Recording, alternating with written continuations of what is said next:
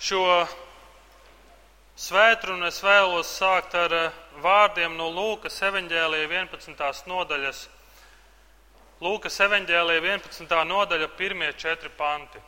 Un, eh, un būs vēl kāda rakstu vieta, ko šodien es vēlos aplūkot. Mans aicinājums ir šķiriet vaļā līdzi ar mani, sekojiet līdzi. Tas tiešām palīdzēs. Es ticu, ka sekojot līdzi, jūs iespējams pamanīsiet kaut ko tādu, varbūt, ko es pats būšu izlaidis. Lūkas evanģēlīja 11. nodaļa, pirmie četri panti. Kādā vietā Jēzus lūdza Dievu. Un, kad viņš bija beidzis, viens no viņa mācekļiem sacīja: Kungs, māci mūs Dievu lūgt, tāpat kā Jānis savus mācekļus mācīja. Un viņš tiem sacīja, kad jūs lūdzat, sakiet, Tēvs, svētīts lai top tavs vārds, lai nāk tava valstība. Mūsu dienascho maizi dod mums ikdienas un piedod mums mūsu grēkus, jo arī mēs piedodam ikvienam savam parādniekam un neieved mūsu kārdināšanā. Šodien es vēlos domāt par divām lietām lūkšana. Un īpaši nozīmīgi šai dienai es gribu domāt par tēvu. Bet ļaujiet sākumā nolasīt dažas lūkšanas, ko bērni ir lūguši Dievam. Tātad šīs ir lūkšanas, ko bērni ir lūguši Dievam. Ja tu svētdien baznīcā uz mani skatīsies, es tev parādīšu savas jaunās kurpes. Tad vēl kāda lūkšana. Varbūt Kains un Ābels nebūtu viens otru nokāvuši, ja viņiem būtu katram sava istaba. Mamma mums ar brāli iedeva katram savu istabu. Skolā man pastāstīja, kas ir tas, ko tu dari. Kurš to dara, kad esi atvaļinājumā? Vai tu tiešām vēlējies, lai žirafe tā izskatās, vai arī tas bija negadījums? Es aizgāju uz vienām kāzām, kur viņi bučojās baznīcas priekšā. Vai tas tā ir ok? Es vēlos būt kā mans tētis, kad izaugšu, bet ne ar tik daudz matiem visapkārt viņa ķermenim. Un tad vēl kāda lūkšana. Es par tevi dažreiz domāju, pat tad, kad nelūdzu. Es par tevi dažreiz domāju, pat tad, kad nelūdzu. Šī lūks ir 11. nodaļa, šie pirmie četri panti. Kad jūs skatāties uz šiem pantiem, jūs pamanīsiet, ka Jēzus Dievu lūdz. Un mācekļiem šis jautājums, Jēzu māca mums Dievu lūgt, nav radies vienkārši tā, pēkšņi ne no kā. Esot kopā ar Kristu, tu noteikti pamanītu kaut ko īpašu viņa dzīvē. Jēzus daudz lūdz. Jēzus bija vīrs, kas daudz lūdz. Viņš lūdza, kad balodis uz viņu nolaidās. Lūkas 3.21. Viņš sāka savu kalpošanu ar 40 dienu gavēšanu tūkstnesī. Lūkas 4.1 līdz 15. Un citas reizes viņš devās uz tūkstnesi, lai lūgtu. Lūkas 5.16. Viņš lūdza visu nakti pirms viņam bija jāizvēlās 12 mācekļi. Lūkas 6.12. Kad viņam bija jāizdara šī lielā izvēle, ko Jēzus dara, viņš lūdz. Jā, šis Jēzus, kurš ir Dievs, bet viņš lūdz. Jūs atcerieties to reizi, kad Jēzus jautā šo jautājumu Pēterim, ko tu saki, kas es esmu? Pirms šī jautājuma Jēzus lūdz Dievu. Un arī šodienas tekstā pirms mācekļi nāk pie viņa un saka, Jēzu māca mums Dievu lūgt. Viņš bija lūkšanā. Un Jēzus mums rāda tādu kā piemēru. Mums jālūdz, kad mums ir vajadzīgs padoms. Mums jāpateicās, mums jālūdz, kad esam vienatnē, mums jālūdz, kad mēs sākam kalpošanu. Mums jālūdz. Mums jālūdz, kad mums sākas jaunas skolas gaitas. Mums jālūdz par. Mums jālūdz. Un vai no šī īsā izklāsta vien jau nebūtu pietiekami, lai mēs būtu motivēti lūgt? Motivēti meklēt iespēju lūgt gan kopā, gan atsevišķi, mazajās grupās, mēģinājumos, vadītāju sapulcēs, savās ģimenēs un savās toletēs darba vietās. Es vēlos būt vīrs, kas daudz lūdz. Es vēlos būt tētis, kas daudz lūdz. Un tad, kad mēs skatāmies uz šiem četriem pantiem, paskatieties, Lūkas 11. nodaļā. Ko Jēzus māca? Jūs pamanīsiet, ka tā nav tikai lūkšana, ko viņš māca, bet tas ir dzīvesveids. Svētīts, lai top tavs vārds, Lai nāk tava valstība, maizi dodi mums šodien, piedod mums, jo arī mēs piedodam un neieved mūsu kārdināšanā. Un mēs jau lūkšanu iepriekš esam apskatījuši, kad mēs gājām kalnu svētdienē cauri. Bet šeit Jēzus māca kādu svarīgu principu. Četri lūgumi. Divi vērsti uz Dievu, divi vērsti Dievam un divi vērsti mūsu vajadzībām. Divi, divi, 50, 50, puse uz pusi.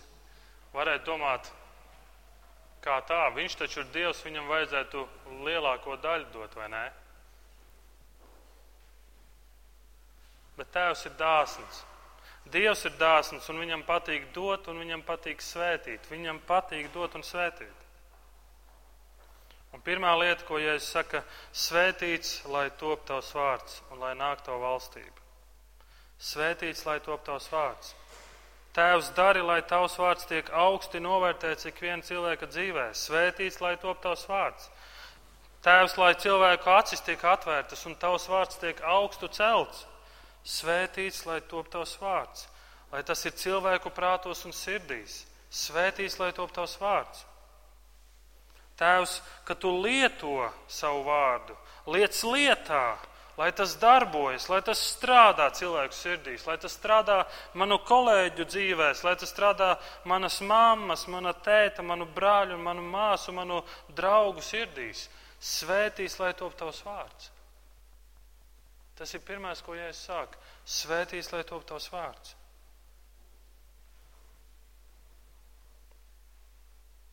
Un tu pamanīsi, ka Dievs ir glābšanas autors. Dievs ir tas, kurš glāb. Un tāpēc šī lūkšana Dievs svētīs, lai top tavs vārds, lai tava valstība nāk. Tu esi tas, kurš maina cilvēku dzīves. Svētīts, lai top tavs vārds. Dievs ir glābšanas autors, un tas ir viņa darbs, un tikai viņš spēja kādu glābt. Un vēl viena lieta. Jēzus nedod šo lūkšanu kā tādu pantiņu, ko tev jāskaita rītos un vakaros vai katru svētdienu. Viņš dod principu, kā lūgt un principu, kā dzīvot. Principu, kā lūgt un principu, kā dzīvot. Kad es skatos, kā aug manas meitas, man daudz sanāk domāt par mantojumu. Nevis par zeltu un sudrabu. Es domāju, kas būs tās vērtības, ko es savām meitām atstāšu. Un lūkšana ir viena no tām, ko es noteikti gribu atstāt savām meitām. Un ir interesanti katru reizi paklausīties, kā mani bērni lūdz. Ļoti interesanti. Īpaši, kad vecākā meita jau sāk lūgt. Un tā viena lieta, ko tu saproti, noteikti viņa totāli kopē tēti un mammu. Ļoti. Vai viņa prot pateikt paldies, vai, vai viss ir dod, dod, dod, dod, vai un, un tu redzi, ka tā ir vērtība, ko tavi bērni paņem. Es vēlos būt tētis, kas vēlas savām meitām atstāt lūkšanu, ko mācīja Jēzus. Tikko par ko runājām. Un tad es sapratu vienu lietu. Vienīgais veids, kā man tas varētu iespējams izdoties, ja tas, ko Jēzus māca, būs ne tikai manos vārdos, bet būs mana dzīve. Ja manas dzīves centrā būs Dievs, ja Dievs būs pats svarīgākais, ja manas dzīves centrā būs, lai viņa vārds tiek cilvēkiem stāstīts, aizlūkšanas, rūpes par cilvēkiem, lai viņa vārds ir cilvēka prātos un sirdīs, tad es ticu ar Dieva žēlstību, ka šī lūkšana būs manu meitu lūkšanas daļa. Savukārt, ja viss, kas man rūp manā dzīvē, ir mans naudas maks, izskats, karjera, tad droši varu teikt, ka manu, manu bērnu lūkšana būs vērsta tikai uz sevi. Dod man to, dod man to, dari man tā, es gribu to. Un visdrīzāk lielākā daļa no šīm lūkšanām netiks uzklausītas. Tā saka Dieva vārds.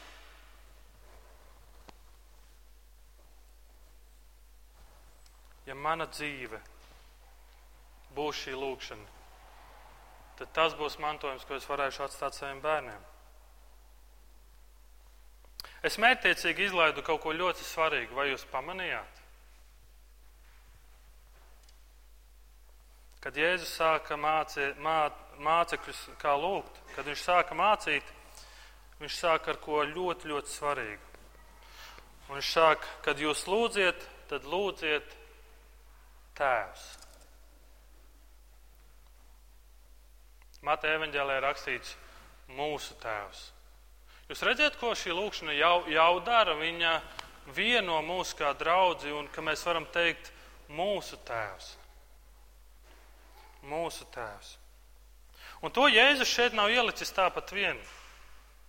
Tas, ko Jēzus māca, ir kāda fundamentāla, svarīga lieta, ko nekādā gadījumā mums nedrīkst izlaist. Un tā ir lieta, kas jāsaprot. Un ja tu to sapratīsi, tava lūkšana dzīve būs noteikti, noteikti daudz auglīgāka.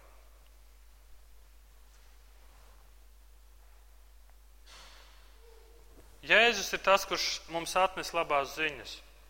Jēzus ir tas, kurš atver mums durvis, salauž sienu, kas mūs šķīra no Dieva. Un viņš atklāja mums jaunas attiecības. Viņš atklāja tēva un bērna attiecības. Ja vecajā derībā Dievs kā tēvs ir minēts, manuprāt, kādas trīs reizes, bet, bet atcerēsimies, ka vecajā derībā tu pat nedrīkstēji izteikt Dievu vārdu.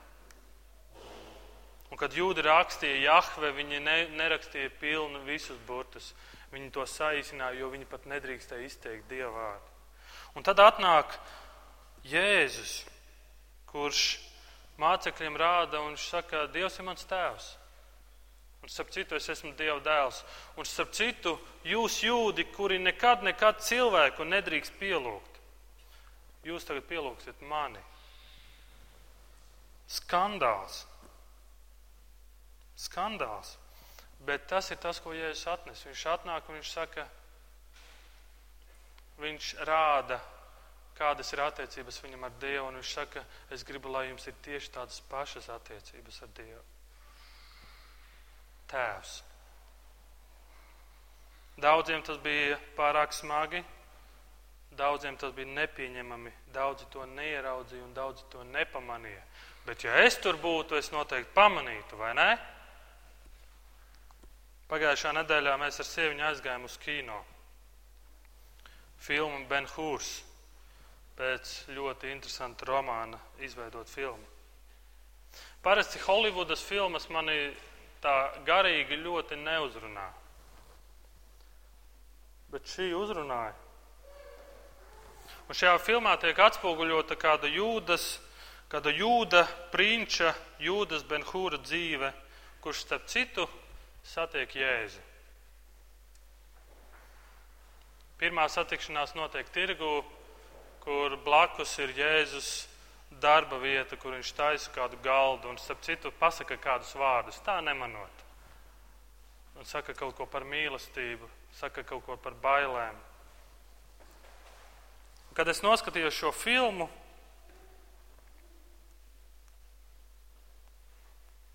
es sāku domāt, ja es dzīvotu tajā laikā, vai es dzirdētu, ko Jēzus saka, vai es būtu viens no Jēzus sekotājiem. Viņš bija tik vienkāršs, iespējams, tik, tik nemanāms, un viņa mācība iespējams izklausījās ļoti muļķīga. Vai es viņu sadzirdētu, vai es viņu ieraudzītu tādu, kāds viņš ir, vai es viņu ieraudzītu kā Dieva dēlu? Kā tu šodien uztver Jēzu? Bībele ir vispopulārākā grāmata pasaulē. Tas nozīmē, Jēzus vēsts ir populārākā pasaulē. Kā es uztveru Jēzu, iespējams, es uztveru, viņš ir vispopulārākais pasaulē. Kā mēs uztveram popularitātes? Zvaigznes, kā mēs tās uztveram, viņš ir kaut kas liels un kaut kas neaizsniedzams.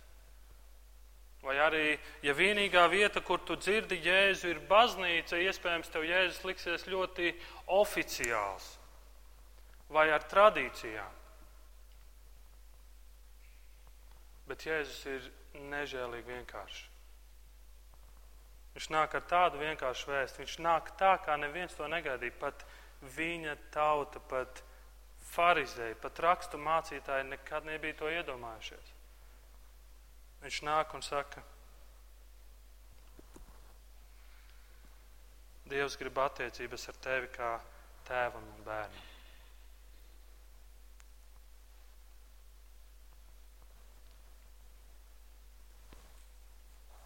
Kad Jēzus māca lūgšanu, šī svarīga, ir šī svarīgā lieta, kas mums visiem jāstver, ir, ka tu lūdz viņu, lūdz viņu kā tēvu.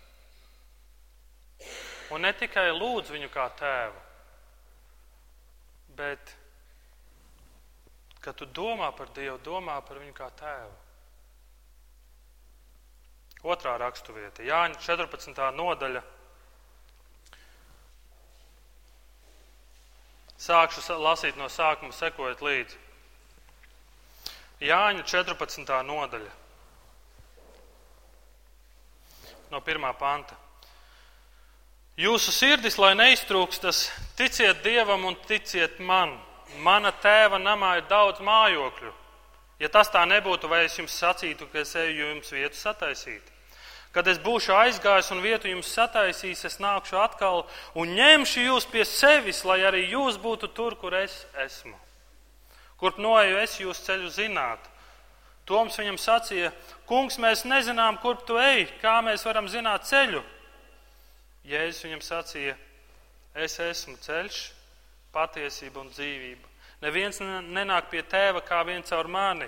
Ja jūs pazīstat mani, jūs pazīsiet arī manu tēvu. Bet jūs jau viņu pazīstat un esat viņu redzējuši.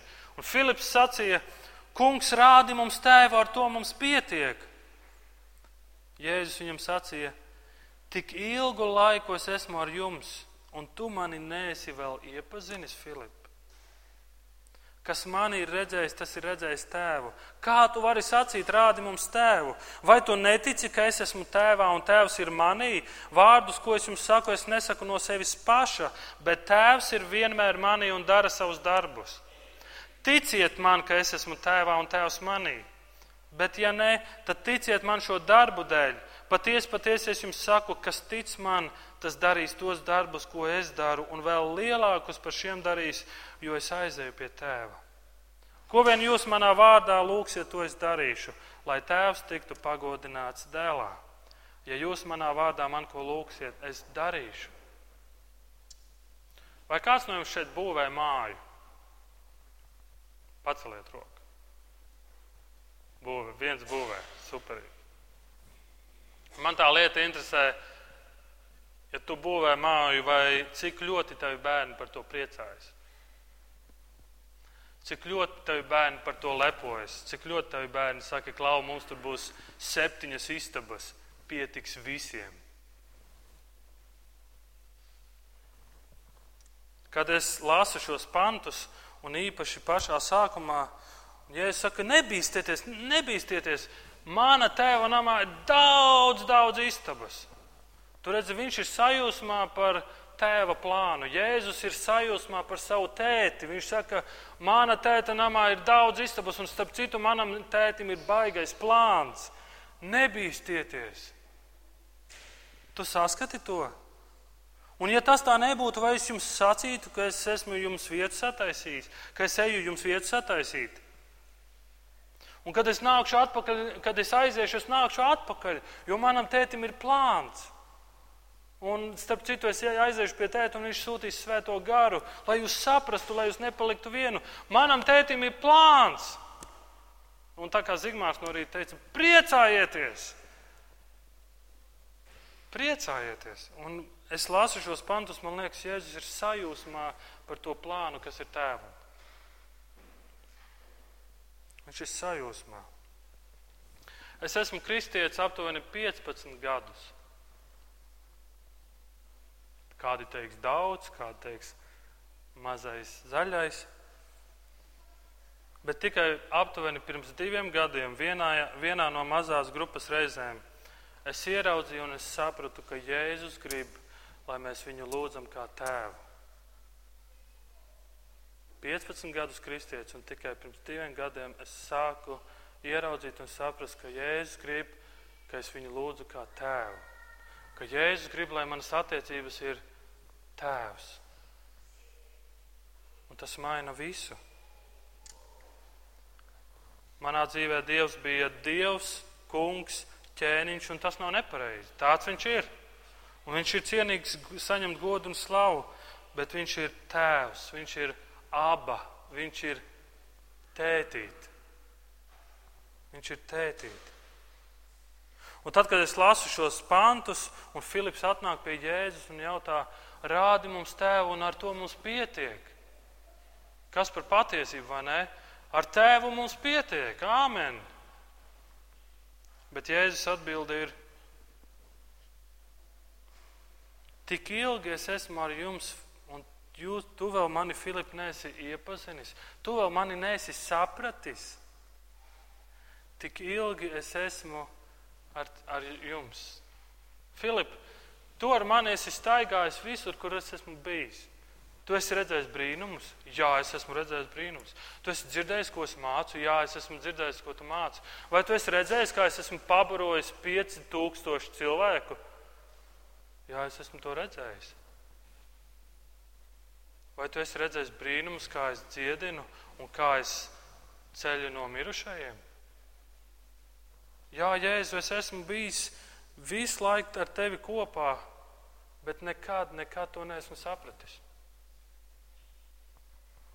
Šajos 15 gados es biju jauniešu vadītājs. Es, biju, es esmu vadījis daudz dievkalpojumus, es esmu bijis daudz kristīgās nometnēs, es esmu runājis no priekšas, es esmu sludinājis, es esmu tik daudz lietas manā dzīvē ir bijis ap Jēzu un par Jēzu, Jēzus, Jēzus, Dievs, Bībele, kristietība. Un es esmu ticies skolā, un es esmu runājis, un es esmu izsmiets, un, un viss kaut kas ir bijis. Un tikai pirms diviem gadiem es esmu ieraudzījis, ka Jēzus grib attiecības ar tēvu. Iespējams, ka arī tu savā dzīvē, visa tava dzīve ir baznīca, ap baznīcu, kalpošana, mazās grupiņas, kas ir svētība. Bet iespējams, ka tu Jēzu vēl neesi iepazinis. Iespējams, tikai intelektuāli, bet ne personīgi. Filips Tu vēl neesi mani iepazinis. Filip, tu vēl neesi sapratis. Kas man ir redzējis, tas ir redzējis tēvu. Es esmu ceļš, patiesība un dzīvība, un neviens netiek pie tēva kā viens ar mani. Filip, tu vēl neesi sapratis.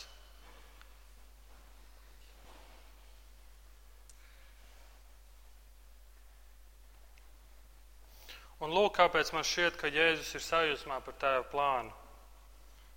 jo viņš redz, ko tēvs darīs tālāk.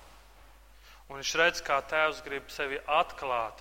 Viņš redz, kā tēvs meklē ikvienu un grib atrast. Un grib atrast.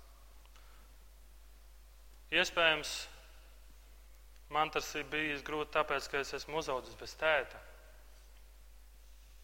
Iespējams, tas ir tāpēc, ka mans tētis mani nemaz nav meklējis. Varbūt ir centies, bet es to nezinu. Bet Jēzus rāda tēvu kā tēvs, kurš meklē. Tēvs, kurš tevi meklē, kurš grib personīgas attiecības. Un tikai tad, kad tev tās būs, tava lūkšana dzīve mainīsies pilnīgi citādāk. Tavi uzsvari dzīvē būs pilnīgi citādāk. Kāds mācītājs savai sievai teica, kad viņi bieži lūdz gadu no gada kopā, bieži lūkšanās. Pēc kāda laika mācītājs saka savai sievai, sieviņa, es redzu, kā tava teoloģija mainās. Es redzu to pēc lūkšanas. Un lūkšana ir viena no lietām, kas atspoguļo tavas attiecības ar Dievu. Kas ir tavi uzsveri lūkšanā, par ko tu lūdz?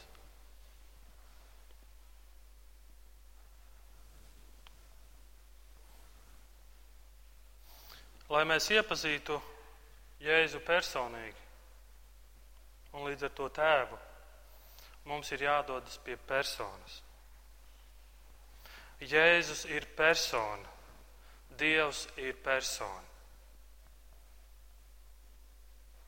Jēzus viņam sacīja, es esmu ceļš, patiesība un dzīvība. Un Jēzus saka, es gribu, lai tavā dzīvē es esmu ceļš, Es gribu, lai tavā dzīvē es esmu patiesība. Es gribu, lai tavā dzīvē es esmu dzīvība. Es esmu centrā. Iedomājieties, ja manas attiecības būtu ar Dievu kā darbinieks ar bosu. Kāds atšķirtos? Tās būtu attiecības, kas balstītas uz nosacījumu. Tad mana lūkšana vairāk izskatīsies, es plānoju darīt to, to, to, to lūdzu, man vajag to, to, to un to. Bet, ja Dievs ir mans tēvs, tad mana lūkšana vairāk būs tēvs. Es zinu, ka tavs prāts un nodoms ir labs, un tas ir skaists. Es lūdzu, lai nāk tava valstība. Es lūdzu, lai mani kaimiņi tevi iepazīst un redz. Es lūdzu, sūti strādniekus pļaujā, kā mēs to runājam pagājušā reizē. Jo pļaujamā daudz. Un Tēvs, es lūdzu, ka es tevi iepazīstu vēl vairāk, vēl personīgāk. Jo viss, ko es gribu savā dzīvē, ir iepazīt tevi.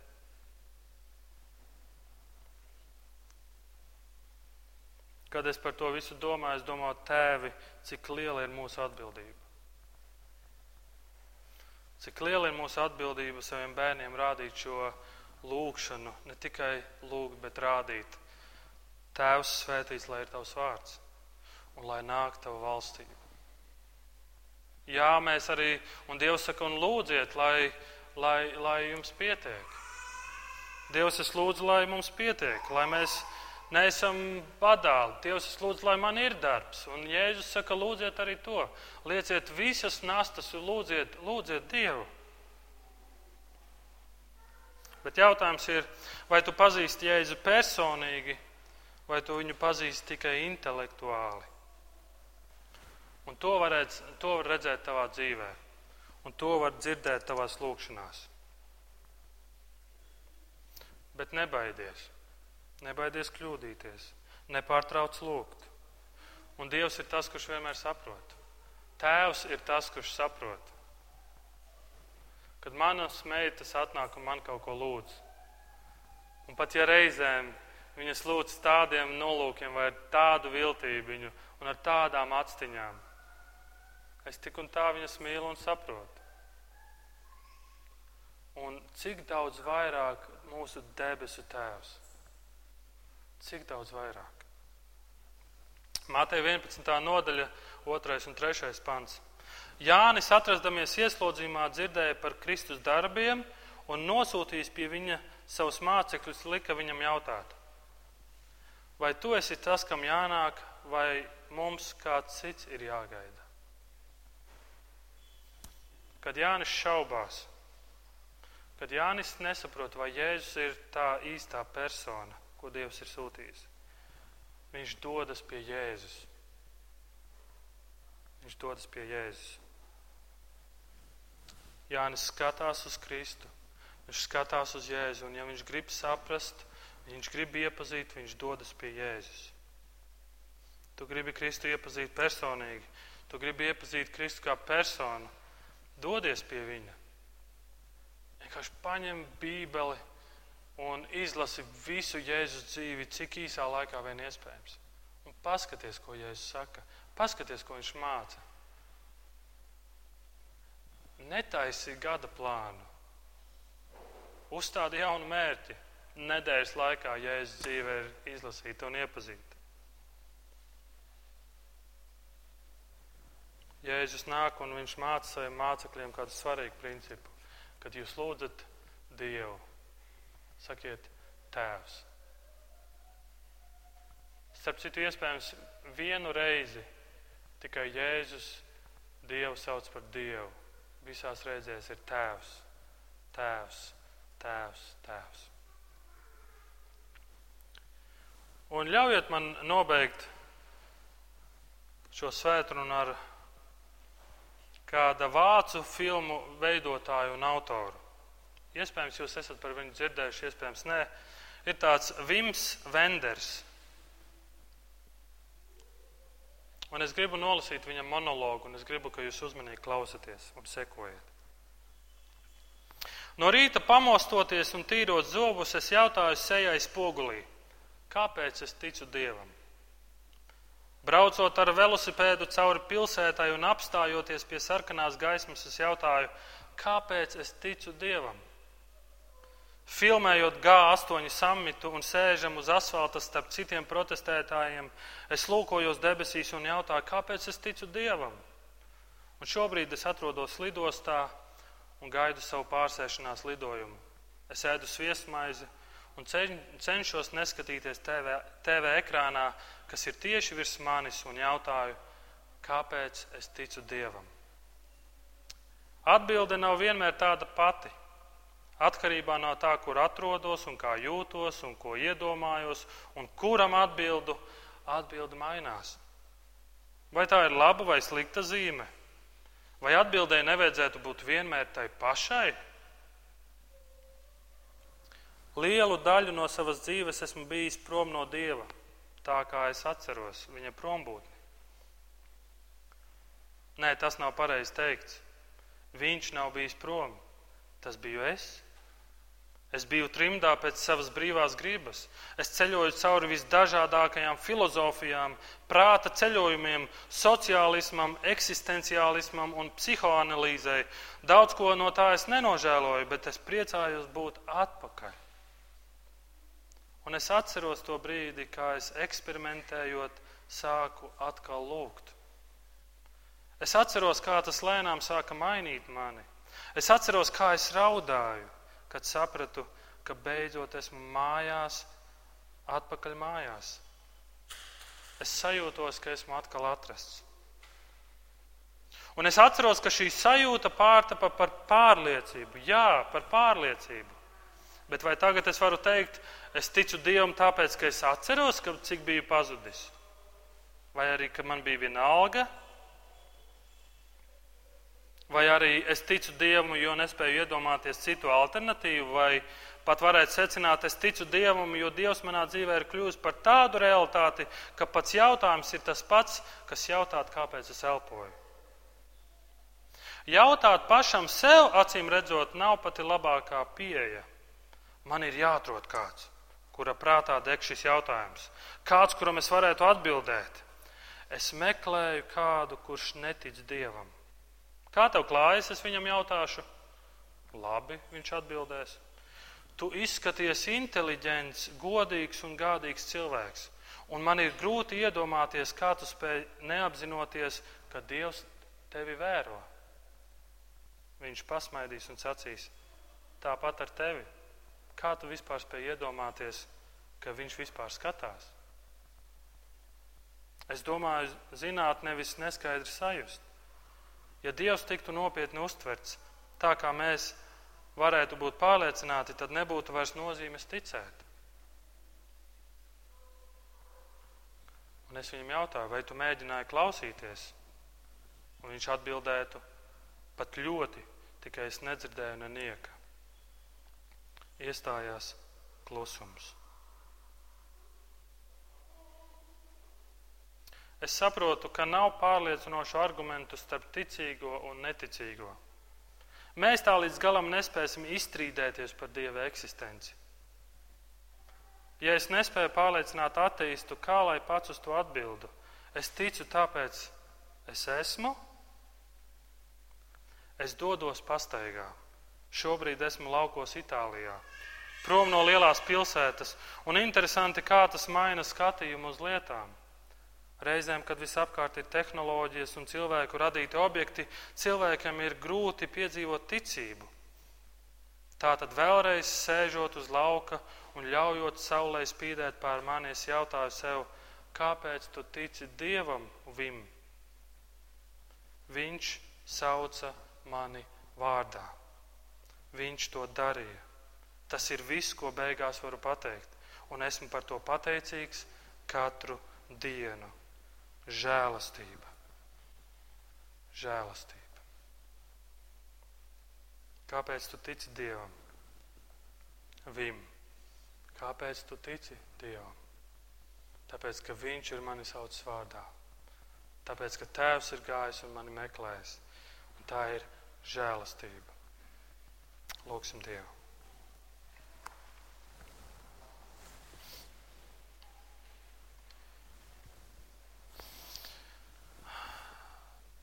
Mūsu Tēvs, Tu, kas esi debesīs,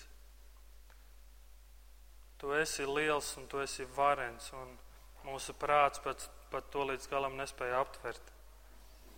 Tu esi visa radītājs. Mēs lūdzam tiešām, lai ir svētīts Tavs vārds.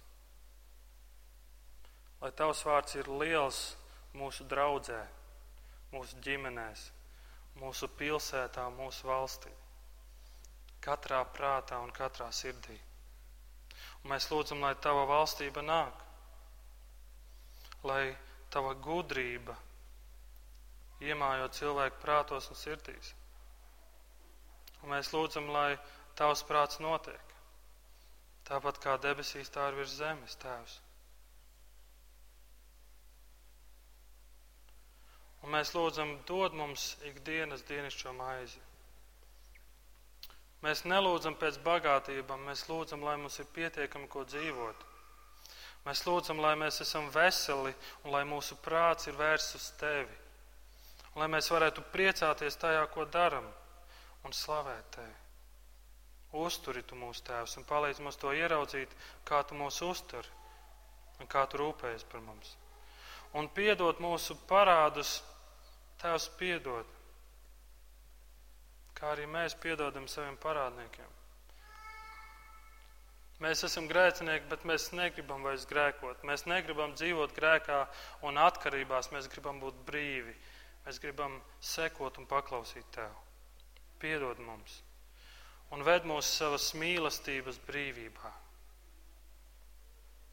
Un sargā mūs no ļaunā. Sargā mūs no ļaunā. Un to Tēvs mēs lūdzam Jēzus vārdā, kurš, kurš mums ir mācījis šo lūgšanu.